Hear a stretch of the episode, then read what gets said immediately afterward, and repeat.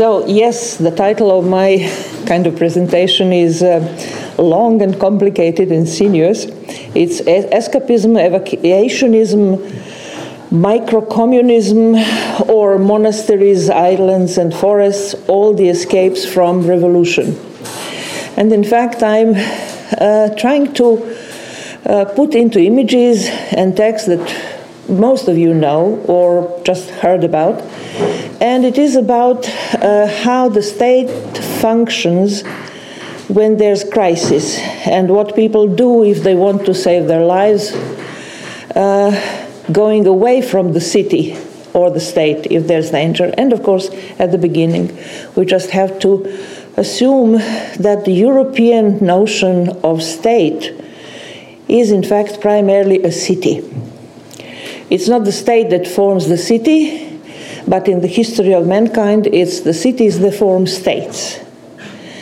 Everything starts um, rather early in human history as we count it today, presumably between 10,000 and 8,000 uh, years uh, uh, before Christ, but uh, we, we won't go into, into any uh, questions about that. it is about the fact that at a certain moment, all around the old world, which is certainly not only Europe, but basically everything around Mediterranean, Asia Minor, good portion of Africa, and a large portion of, of Asia, basically is an area in which we see the formation of human habitations which uh, are formed around needs, certain needs. And these needs are, and then they are formed as kind of tasks of this community, are producing food, distributing food to the community, administrating the food, documenting the food, and defending the food around that. You have all the elements of the state, city state here, except one. And that is how you control the population. Well, rather simple. You control women. So basically, the city starts with production of food, documented, controlled, and administrated production of food, defense of food, and controlling women, women's sexuality that is reproduction. And each city state, of course, needs soldiers to defend the production and the distribution of food. And the number of soldiers which has to be controlled, that is, in controlled sexual relations by women. And we have basically the first, the most stubborn, and the still extant ideological cluster which rules the world even today, and that is patriarchy we live in patriarchy, whether we live, we want to define ourselves as uh, underdeveloped, uh, mid developed, hyper developed, or whatever we want to, to define, neoliberal, capitalist, whatever we want to define our societies, they are patriarchal societies. So that's this basic ideological cluster, which is really, really small. and really, really simple. And it is only about controlling women's sexuality, nothing else. So that's how the city starts, and that's how the European state starts with this city which is spread around Mediterranean in a vast area of the so-called old world. Okay, so once we have this city, which is in fact the state, we recognize all the elements that form the structural elements that forms the, the states today. Uh, we see that there's one element missing, although we have patriarchy, which is kind of unifying the society with a certain number of rules concerning women, basically uh, behavior of women and control of women. But then we have a need for something that could be a kind of social glue for this city in which producers, defenders, administrators, documentators, of course, documenting means writing, which is the best thing that ever came out from the old world. but we have, some, we have to have something that glues everything together, and that's participation. Or, in other words, if we want to define it that way, there is no city or state without democracy or the participation, which includes information, cooperation, common tasks, uh, discipline, and uh, kind of knowledge about achievements, which then lead to other achievements. So, very simply put, that's what the city or the state needs. It cannot function without a certain form of democracy. And we'll see how this goes from the theocratic state to the democracy we never lived in Europe. And uh, it's a hard way, and I don't think I'll live to see it. Maybe you will. And that is the renovation of direct democracy. As, we, as the European history saw it once, for something like 50, 70 years, maybe a little more, and that's Athens, Athenian democracy. That's 6th, 5th century BC. So this is the state, this is the city state, which realized a level of democracy which was never known before and unfortunately disappeared forever after the fall of this democracy when uh, Alexander the Great destroyed it, when he was conquering the old world. So we have the situation, this unique democracy, which is well explained in many texts, in many aspects, in many images, basically, in architecture. this great thing which uh, in fact does allow the functioning of the state and of the city, but at the same time it allows patriarchy. So democracy without women is possible. we know it for sure. and it's a very interesting democracy. but okay. Uh, so, how Athenians did explain that women do not deserve to be members of democracy or basically not to be citizens. With the propaganda story, of course, that, that's the, the simplest uh, way of all uh, possible ways. And uh, this time it's a really interesting story about the goddess Athena, who was the protectress of the city of Athena or Athens. And uh, she, uh, although she comes from Syria, and in Syria, she was a rather fertile goddess with a rich sexual life. But then, upon coming to Greece, she became, re-became virgin and stayed virgin, which is really interesting there. Anyway, she was competing with another god, Poseidon, for the governance of Athens, this, this really precious city. Or it was perhaps the god Hephaestus, well, either Poseidon or Hephaestus attacked Athena, and uh, there was kind of unsuccessful rape, and a bit of sperm fell on Athena's leg, and she wiped it out with a piece of cotton, which was found in the field. That's a plant you just pick up, uh, and she threw it to the to the ground, and the sperm from the ground uh, bore a human being. and this human being, although there are versions, half snake, half human, whatever, this being is called autochthonous.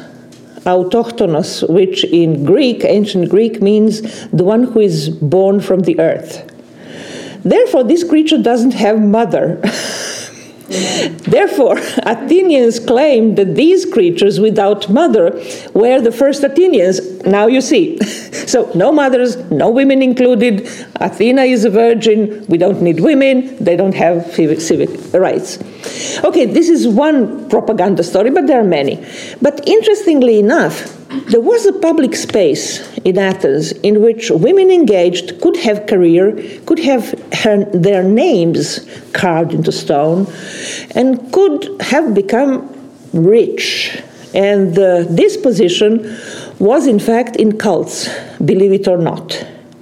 So if a woman engaged to become a manager of a rich cult uh, in a rich temple, and she led her career wisely, uh, she could live up to serious old age, being celebrated, being fa- famed, uh, being someone who's well known in the city, and being paid well. so this was a career for women. They could appear freely, publicly, in certain cults, of course, cults which were reserved for women or were mixed, because they were also very rare, however, male cults. So that was a niche for women. Otherwise, they didn't have anything to do with democracy. In fact, to qualify to be a citizen, Athenian citizen, was to have a father citizen and the mother who's the daughter of the citizen. So, in fact, it's the quality of citizenship goes through the women's body, passes through, but doesn't stay there. So, and when she uh, became widowed or uh, uh, her husband, whatever, disappeared, she in fact did not have much choice. She had to marry the next brother in the family, and so on and so on. So these, there are refinements in the Athenian laws, but however, women do not have rights in Athenian democracy. And this was felt as a problem by certain Athenian citizens, especially those thinking Athenian citizens. So we have not only traces, but evident discourses about inequality and how bad it is for democracy in text of Plato and especially in the text of one of the greatest authors and greatest poets, in my view, of all times. You will find him in English translation almost everywhere. It's Aristophanes, who wrote comedies. And at least uh, half of his com- comedies is about women taking over the power in Athens or impending war by um, acting, by um, well, by doing a sexual strike, basically. uh, and uh, in fact, they politically they appear as bearer of the peace, more intelligent portion of citizenship, more economically aware, and definitely more communist. So once you once you read some of the English, or especially English highbrow authors, uh, Oxbridge type, writing about Aristophanes, they say, well, he's a real communist. This is disgusting. And on the other, and on the other hand, you, you read, well, now they don't exist anymore, but we read them at the, the at the, uh, the, university. Russian authors who says, well, Aristophanes is the representative of aristocracy. so go figure where, is, where is Aristophanes? I will tell you just two plots to understand the situation. One is, of course, the famous Lysistrata, her name means the one who solves the armies. And Lysistrata had the genius idea to connect with enemy women, the Spartan women, and to proclaim the sexual strike until men, male soldiers, Spartan and Athenian, do not make peace. You can imagine the situation. Uh, women close themselves on Acropolis they don't let the men into the sacred sanctuary. Uh, and of course, there are problems with even with women rebels. Some of them have um, baby who's crying back there in the city. They go back, and there's an unbelievable scene, which is so strong that it, it's unbearable for most of the European and world scenes even today. And that is when a certain Mirina, who, by the way, might be the same woman that we encounter on one of the uh, inscriptions and who really had a rich career as a priestess and was well known in Athens. So, husband comes uh, secretly to her and says, I cannot stand anymore, let's do it. And she says, Okay, we'll do it in a cavern. Acropolis is full of caverns, this little mountain.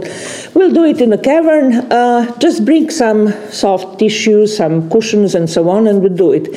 So he goes back, mounts back, and brings everything that is needed for a comfy bed. And she said, mm, Something is missing. I need some perfumes. And he goes back and brings the, the perfumes, and she said, mm, Well, no, um, I have a headache. so you can imagine it's not only the political gesture, it's torturing men. uh, basically, uh, this comedy ends just like all Aristophanes' comedies. They uh, end in a general orgy in which everybody is having sex, drinking, and uh, eating. Celebrating, and so on. okay, so there's another comedy which is much more provocative than this one what happened to the war? Went on. the war went on. There's another comedy which is even more destructive, but it's not only about women. Anyway, the other one, which is really, really provocative, is women in the uh, parliament. And we'll tell a few about parliament and what it looked like. So the parliament is the place, the bully, the boule, uh, the Athenian boule, uh, which exists even today. This is if you were in Athens and were tempted to go to a horrible show named Lights and Sounds. Well, you would be sitting in the parliament watching this thing going on around you. Anyway, so what is the parliament? The parliament is the place in which all the Athenian citizen, male, of course, the citizens male, come to decide upon everything that is important for the state. They are not elected. They come uh, basically as early as they can. So when the parliament is full, the door closes. Who is not early enough does not participate in democracy that day. Those who are in are paid daily honorarium. Uh, and this is how parliament functions. So, no MPs, nothing like that. Everybody is free to come and to decide about the state. Of course, not all the questions can be solved in, in the parliament. Some questions of common interest are to be decided in uh, um, dicasteria, dicasteria uh, which is where people judge. Uh, the next thing is agora, the place in which people trade. Uh, and then there's an institution that we do not connect with democracy because it was cut by many European censorships. That th- that's theater. Everybody every citizen goes to the theater, the doors are not closed, and the poorest get even paid tickets for the theater. And in the theater, during the yearly festivals, which are usually early in the spring, which is end of February in Greece, and uh, in theater they see and they solve problems which cannot be solved in other places which is the question of the past, personal past, relation with gods, relation with family, and relation with women. So that's the theater. That's why Aristophanes represents his main political ideas in theater. That's the, the way to inform, to communicate with all the citizens. Okay, so Women in Parliament is the comedy in which women decide to take over the power. It's not only about war, it's about everything. The whole system sucks. So they decide to take over the system to make a revolution. Not by taking over the parliament, but, but doing something else. They train secretly in political discourse, which they hear from their male members of families almost every day if they want to listen. so they are well aware of what is going on. It's just the training that is needed to appear as men. And of course, in the given moment, at a given, on a given day, they enter very early into the parliament uh, masked as men. and they use the discourse which is the most popular among men, even today, in all the parliaments around the world. So, what is the most popular thing? What is the sexiest thing in the parliaments today in the world? Young conservative speakers, male.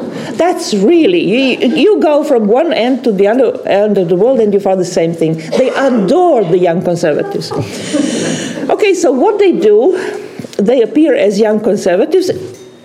Uh, be uh, aware of the situation. Women's role are played by men, by young men who can look like women. So they pose as women who pose as men. Yeah.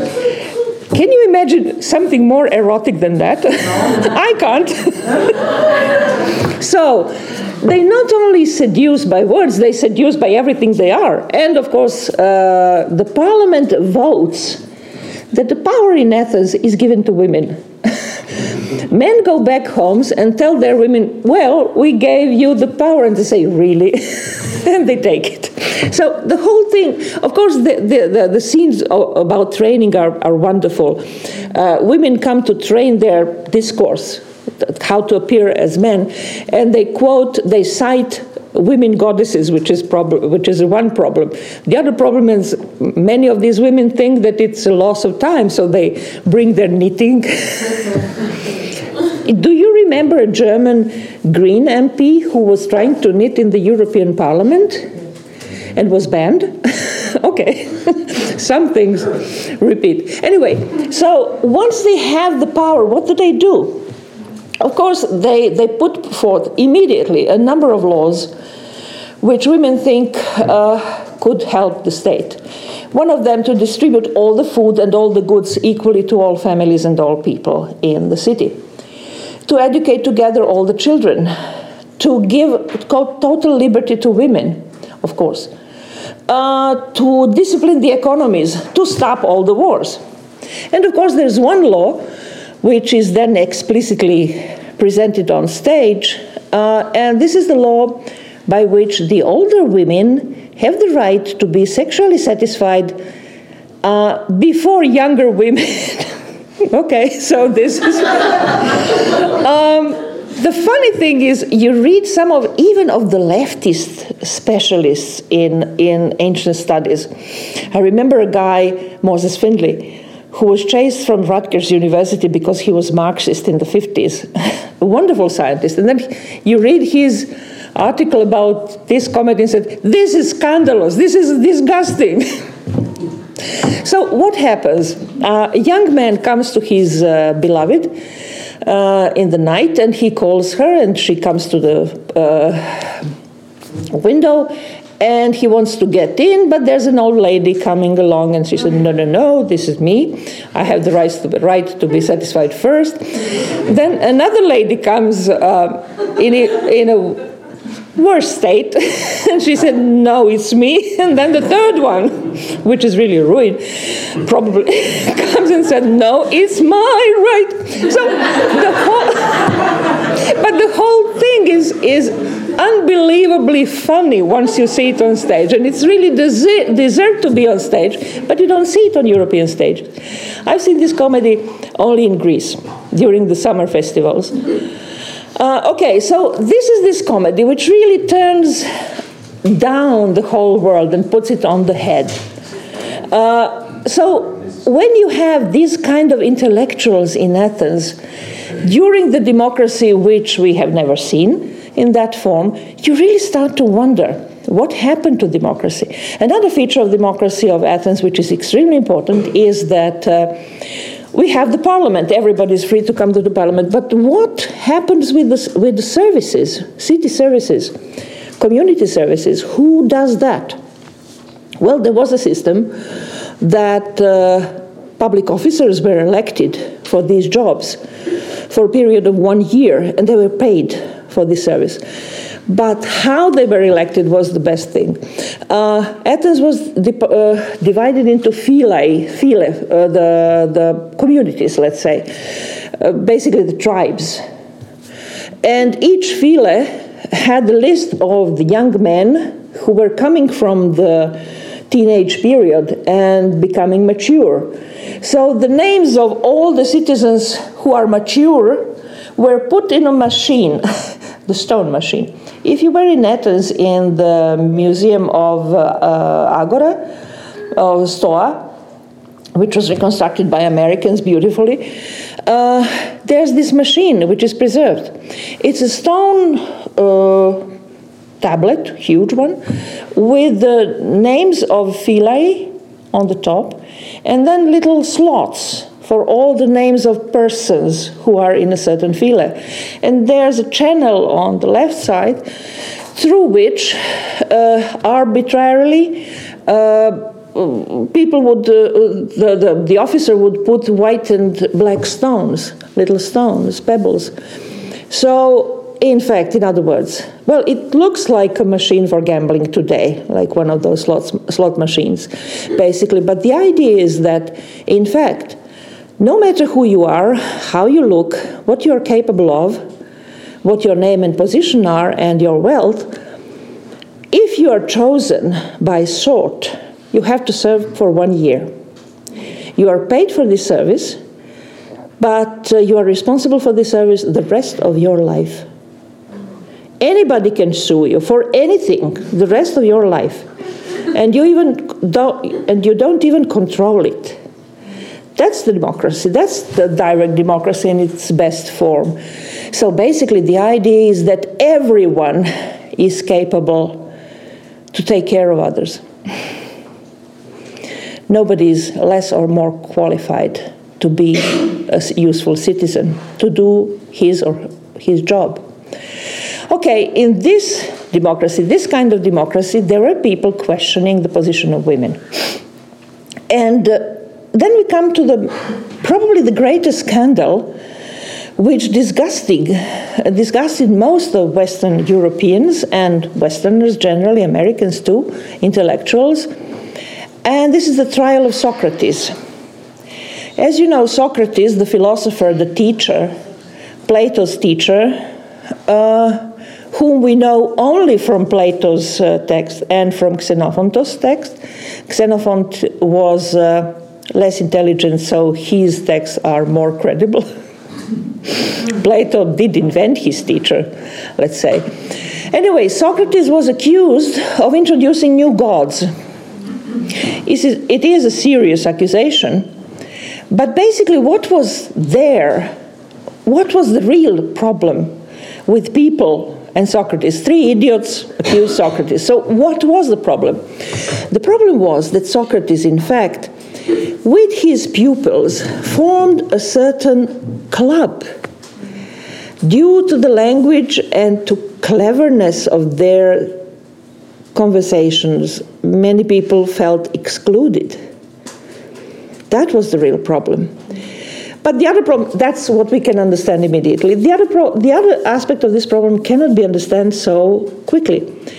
Uh, in Athens, there were two, there were some terms concerning citizen and uh, his relation to politics, public life, and democracy. These three terms are extremely important. One is polites. That means citizen, citizens, the one from polis, the city. But there's a contrary to this term, which was used by certain comediographers, we have the text, and the contrast of polites is patriotes. Patriot? who lives in a certain territory or place and is uh, related to this place doesn't have the idea of citizenship or the city. So patriotism is basically very negative. It's a redneck. it's someone from Boeotia or whatever. Anyway, it's not a citizen. And the other term, which we use today without knowing the real history of the word, is idiotes, idiot.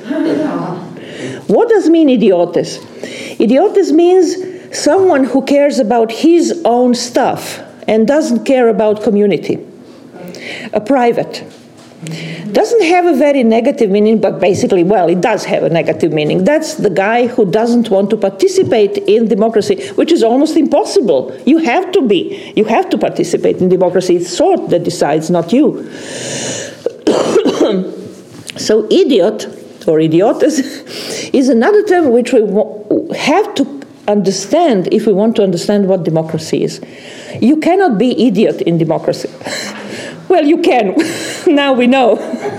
now, yes, we know. the 20th centuries or more, we know very well. Uh, you can be a real idiot in democracy. But uh, what the whole thing is, it is about democracy which engages the citizen. The public life is the main life. The uh, benefit of the others is the main goal in life of a citizen. He cannot live without that. When I first came to Greece, that was just before the dictatorship fell, was a historic time. I knew ancient Greek, but I didn't know the, the modern Greek. So I was deaf. I could read, but I couldn't understand what was going on, what people were saying.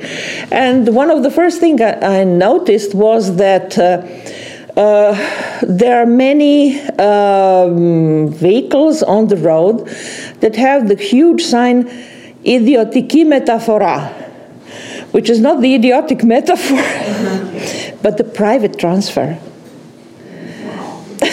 so so yes, well, and also the places in which you, you would give your clothes to be uh, to be to uh, cl- cleaner uh, is called catharsis.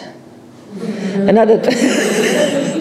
So that is, yes, cleaning up, that's catharsis. Well, when we think about that, we in fact are facing the whole European semantic history, but not only semantic history, but our history of citizenship, our understanding of democracy, our understanding of the state and of the city. So, okay, uh, Socrates not only tended to become an idiot, and he was suspicious because of clubbing he had his club of disciples. But there was a third thing, which was extremely dangerous for the for democracy, especially Athenian democracy. This dangerous things was, uh, and I beg you to, to, to understand that the context was homosexuality. Not because it was uh, kind of damaging the production, not at all, no problem you could be a happy homosexual and have your family life and produce as many sons as you want, especially in a deal with your wife who would produce sons even if she couldn't uh, uh, have them from slaves. So, no problem at all. The problem was that homosexuality was one of the ways of socialization of aristocracy. And it was always a relation of an older guy and a younger guy, no equal relation, no love. but the power over the other. So, homosexuality was the context in which the huge plots were imagined in the past, taking over the power. Uh, in fact, Athenian democracy started in many ways with the gesture of two homosexual lovers, an older one and a younger one, who killed the tyrant and in fact made way for democracy. They were both aristocrats. So this kind of political uh, organization inside the homosexual uh, society, which was aristocratic and which was based on domination, was a real threat to democracy. That's why Athenians were extremely cautious about that, allowing homosexuality as part of pleasures, but not in political life. So, uh, surrounded by, by young boys, and once you read some Plato's dialogue, especially the Phaedrus, you find out definitions that the only real love is the love for boys. But at the same time, Plato does discuss the position of women. So it's, it's a situation in which we recognize some of the starting points of narratives which we today consider monstrous. Anyway, so Socrates could not escape the democratic collective, and that's why he was trialed. And finally, he was uh, he had the death penalty, and uh, he committed suicide before the death penalty came. Uh, and in his defense, which is again the Plato text, Plato's text, so we don't know if it's authentic or not he explains to Athenians how democratic he himself is and what is his role in democracy. And he says, I'm a gadfly. I'm this unpleasant insect which bites the beautiful white horse of democracy, which becomes slightly fat and lazy. and there's a need for someone to push, to bite, to pick this horse each time he starts to get lazy and self content. So, this is the, the role in democracy which was still not conceived, and Socrates obviously did conceive this idea of intellectual inciting, uh, provoking, criticizing as an uh, inevitable tool of democracy. That person has to be in democracy, any democracy. These persons have to exist in any democracy. So yes, he had to pay for his advanced idea of democracy, not only for clubbing and idiotism. So when we think about these things about Athenian democracy, we think also about the impossibility, in fact, to escape such a democracy. Why should you leave Athens and become a patriotes? No reason at all, only for the wars and for colonizing the rest of the world. Okay. But in fact, there are no motives for escape. In fact, you want to come to Athens and to try to get a position which, of course, cannot be the position of a citizen because it's defined, as I told you at the beginning. So, no escapism, not at all. Um, once the democracy is dead and the monarchy by Alexander the Great is installed, there are many changes. Uh, the male is not the ruler of the world anymore because he's not the collective which rules the city. Women get some rights, paradoxically, but yes. No king would allow to lose his dynasty only because he has only the daughters. The daughters can become queens. so there we go. We have few rights for women which are very important inside uh, the system which is definitely not democracy. And of course, there are many other changes. You have the new state, which is monarchic from the antiquity on, basically, it doesn't change very much. Uh, and you have the system in which, yes, you do feel ready to escape from the city. you do feel, you do want to go somewhere else, to the monastery, to the island, to the forests lose yourself and prepare the revolution which cannot be done in the city. You can find the refuge in the city, which was the situation before the French Revolution. Uh, the insiders in the city of Paris prepare the revolution. But let us go to, this, to something that we can all understand, and that's the Roman society, uh, upon which the modern notion of democracy is coined. modern democracy, republican democracy, republics, are formed uh, after the Roman model from the American Revolution, from the Dutch Revolution, from the American Revolution, from Cromwell, and so on, uh, via French Revolution. All of them followed the Roman model, not the Athenian model. We were never able to continue the Athenian model, in which you don't feel the need to escape.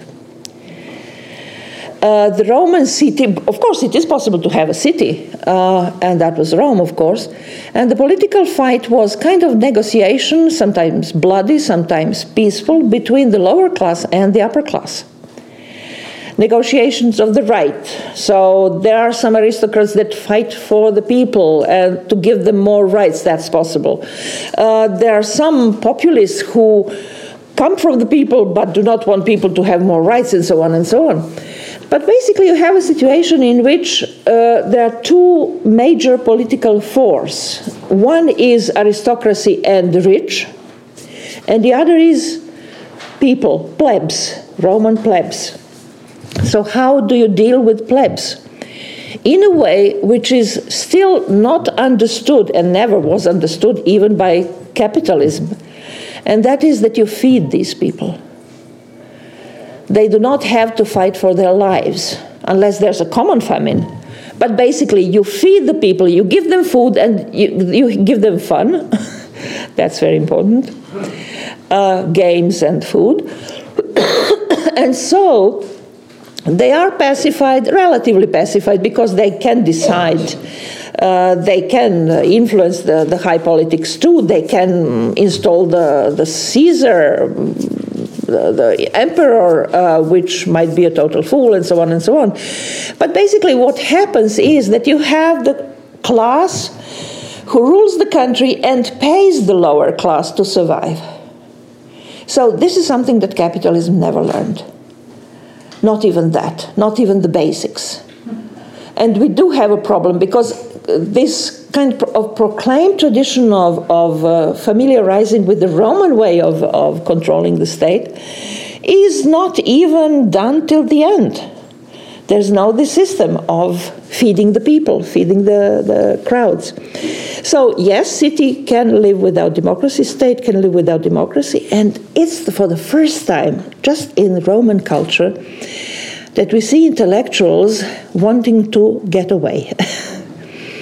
The position of the Roman in, of a Roman intellectual is a very specific one. He's supposed to, to teach people. So they are encyclopedic intellectuals at the beginning, and many of them continue to be that through generations.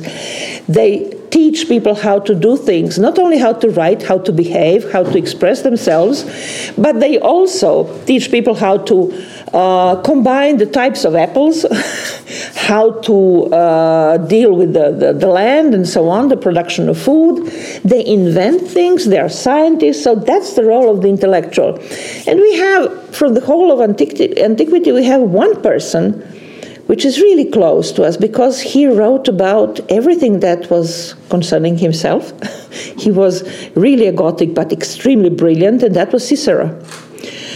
Uh, the man who wanted to enjoy arts at his estate, who wanted to be isolated and alone and just publish his books, but he mingled with politicians and he uh, lost his head. eventually. But the whole thing about Cicero is he's so sincere about himself, what he does, how he writes his book, how, how he deals with dealers who would bring him the art goods from Greece, and so on and so on. How one of his slaves ran away over the Adriatic Sea. Uh, after stealing some precious books, where is he going to sell them on the other side of Adriatic? Nobody knows. But the whole everything very intimate about his daughter, about her divorce, about her love life, about her early death. You have everything, everything about one man in his text. So please read Cicero after Aristophanes.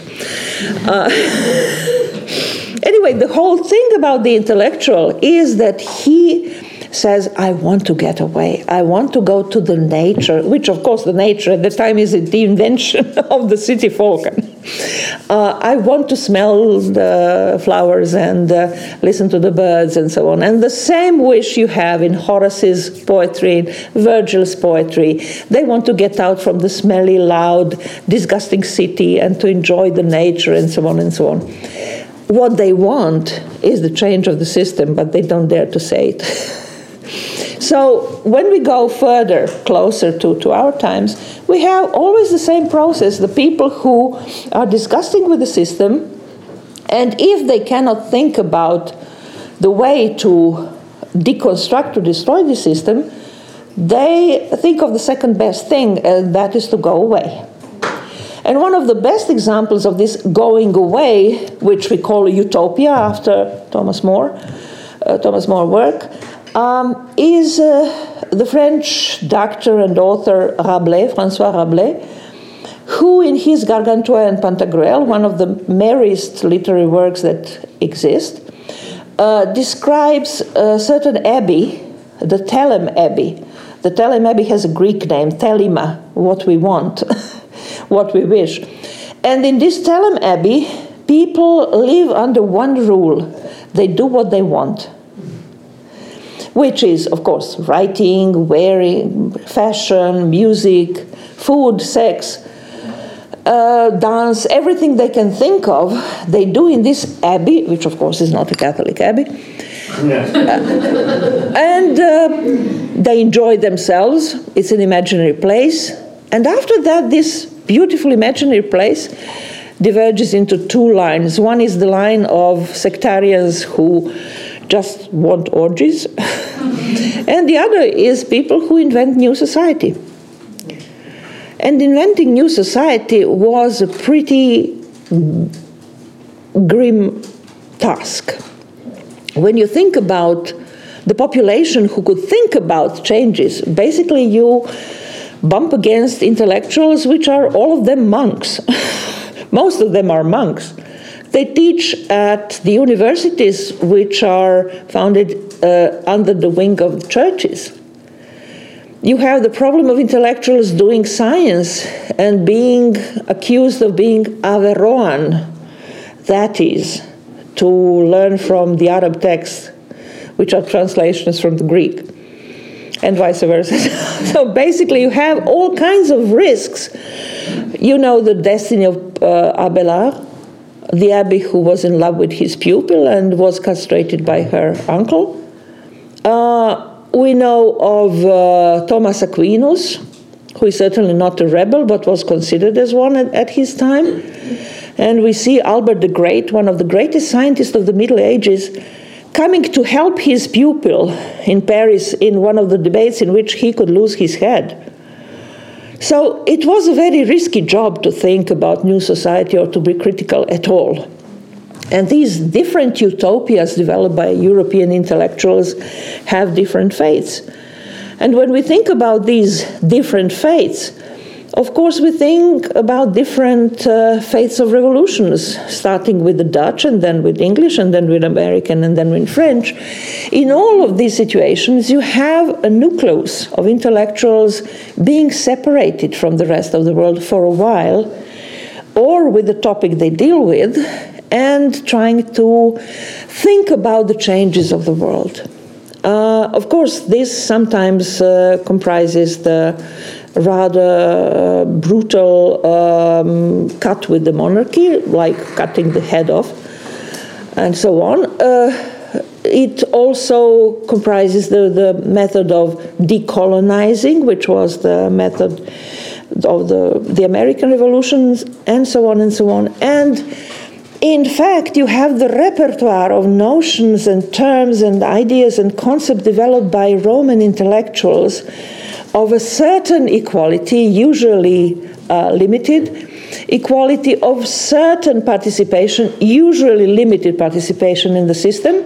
We see these uh, limitations in the uh, system of electors in the United States today, and so on and so on. So there's a number of problems arising from the denial of the basic type of direct democracy.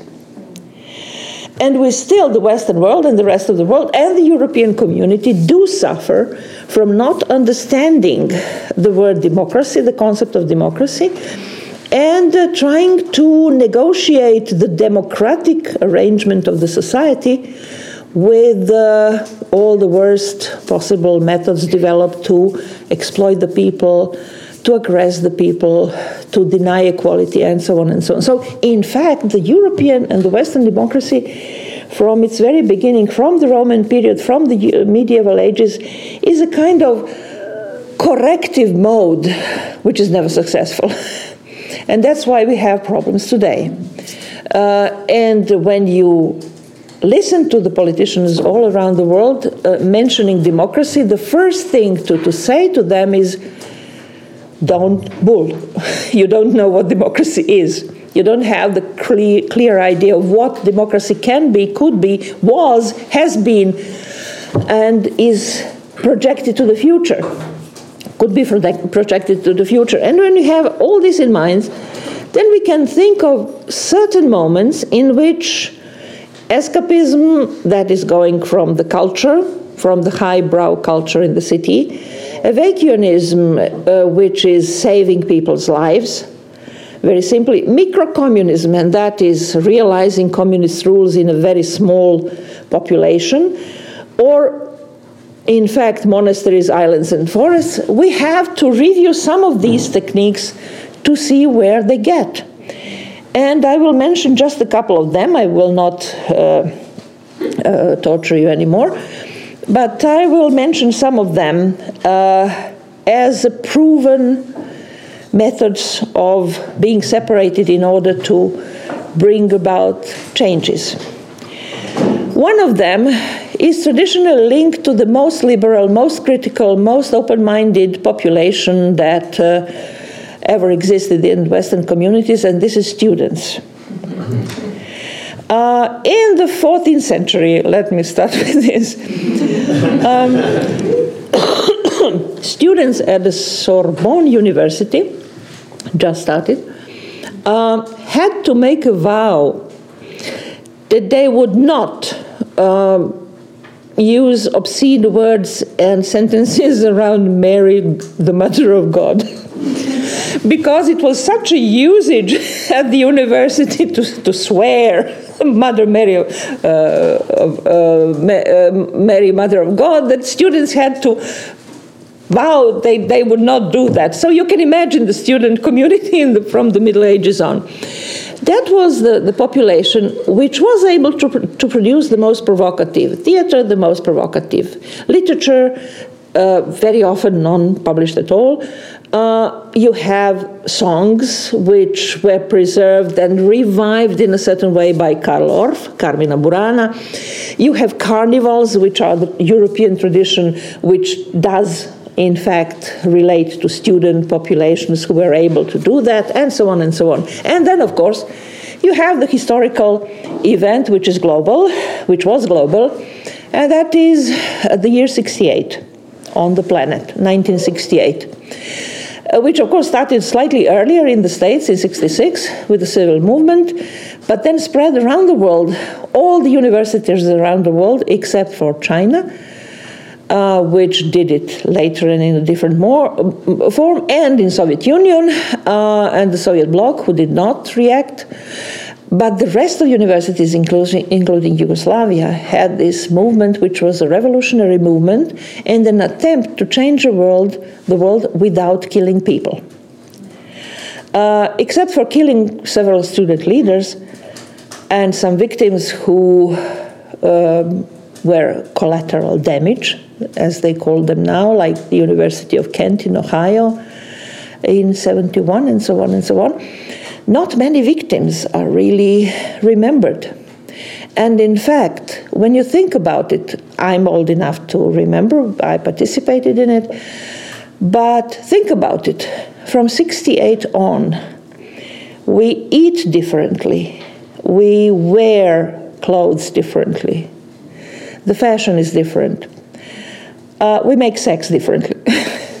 From 68 on due to contraception, of course, and other things, but everything we do in our lives is different from 68 on. The habits of people, uh, the behavior of people change radically. Uh, religious situations change radically for masses of people. Relation to the state, relation to authority, relation to criticism, relation to invention, relation to music. Music changed radically from 68 on, and so, although it was changing in the 60s much earlier. So, everything we do today is somehow marked by 68, by this non bloody revolution. So, at least once in history, that was possible. Not too many, well, victims. It was possible. The other, and that was in fact students coming out of the university, coming out of escapism, coming out of evacuanism, evacuanism and trying to do micro communist communities all around the world. Uh, which was possible at that time, which is even still possible today. Still, you have the hippie communities living in certain parts of the world, forgetful about the, the glorious past. Uh, and the other thing which was possible during the Second World War, and that is the partisan movement, which basically is evacuanism uh, into the forests and fighting back from the forest from the guerrilla fire, uh, in a guerrilla style. And we know today that there's no guerrilla movement all around the world recorded ever which could do or have any kind of success without women, who would ensure the backup, the feedback, uh, the security, the refuge, the food, the information, and everything else, and the mass of uh, those who would be for the certain ideas. So the partisan movement, the woods, the forest, would be one of the crucial forms of all these notions I mentioned in the title. So we have monasteries, which are relatively uh, possible solution in certain times, in the worst of times. We have uh, spreading out of the refugees of universities uh, out to the world. That is 68 and what happened later. And the third one, which historically is in, in the middle, in fact, that's partisan movements which still thrive around the world. And uh, there's at least one successful example, and it is Chiapas. So we have possibilities which are still offered until the whole world is divided by walls. so there would not be a possibility to escape. Uh, so when we think about these possibilities and the possibilities of democracy, I'm not very optimistic at all. Uh, I think that we lost the possibility on many levels, unfortunately, also on the academic level, to rethink democracy. uh, and that the left wing today is almost uh, fatally lost into debates of who is more left. Uh, I remember that from 68, the young man reading uh, early Marx and uh, being extremely serious about the world. That was really disgusting. But it continued. It's a kind of uh, um, global disease. Uh, so the left is basically incapable of dealing with these problems. And there's only one group that remains untouched by leftist quarrels, untouched by authority, uh, and suffering enough to be able to do something that is women. Thank you.